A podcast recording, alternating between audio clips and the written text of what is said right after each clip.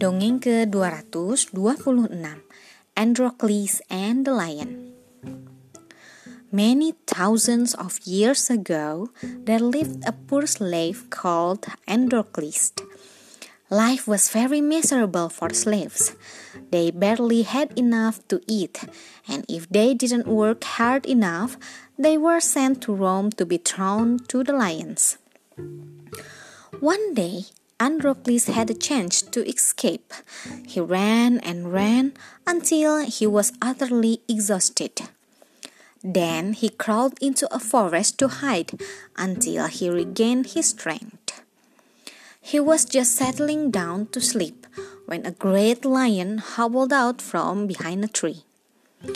At first, Androcles was petrified, but he soon realized the lion was not about to jump on him but was holding out his paw helplessly. Androcles stepped cautiously towards the lion. The paw was all swollen and bleeding, and when Androcles looked closely, he could see a huge thorn stuck in between the claws. Androcles pulled the thorn out and cleaned the wound before wrapping it in leaves to keep it dry. The lion licked Androcles with his rough tongue, and then lay down beside him and went to sleep.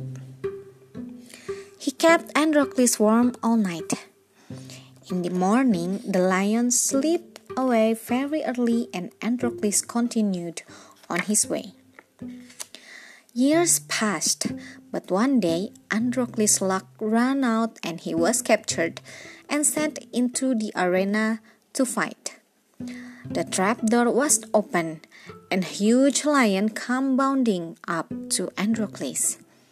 He closed his eyes, waiting for death. But when he felt a rough tongue licking his face, it was his lion. The crowds cheered, and the emperor made Androcles tell the story of the thorn in the lion's paw. The emperor decided to free Androcles and the lion.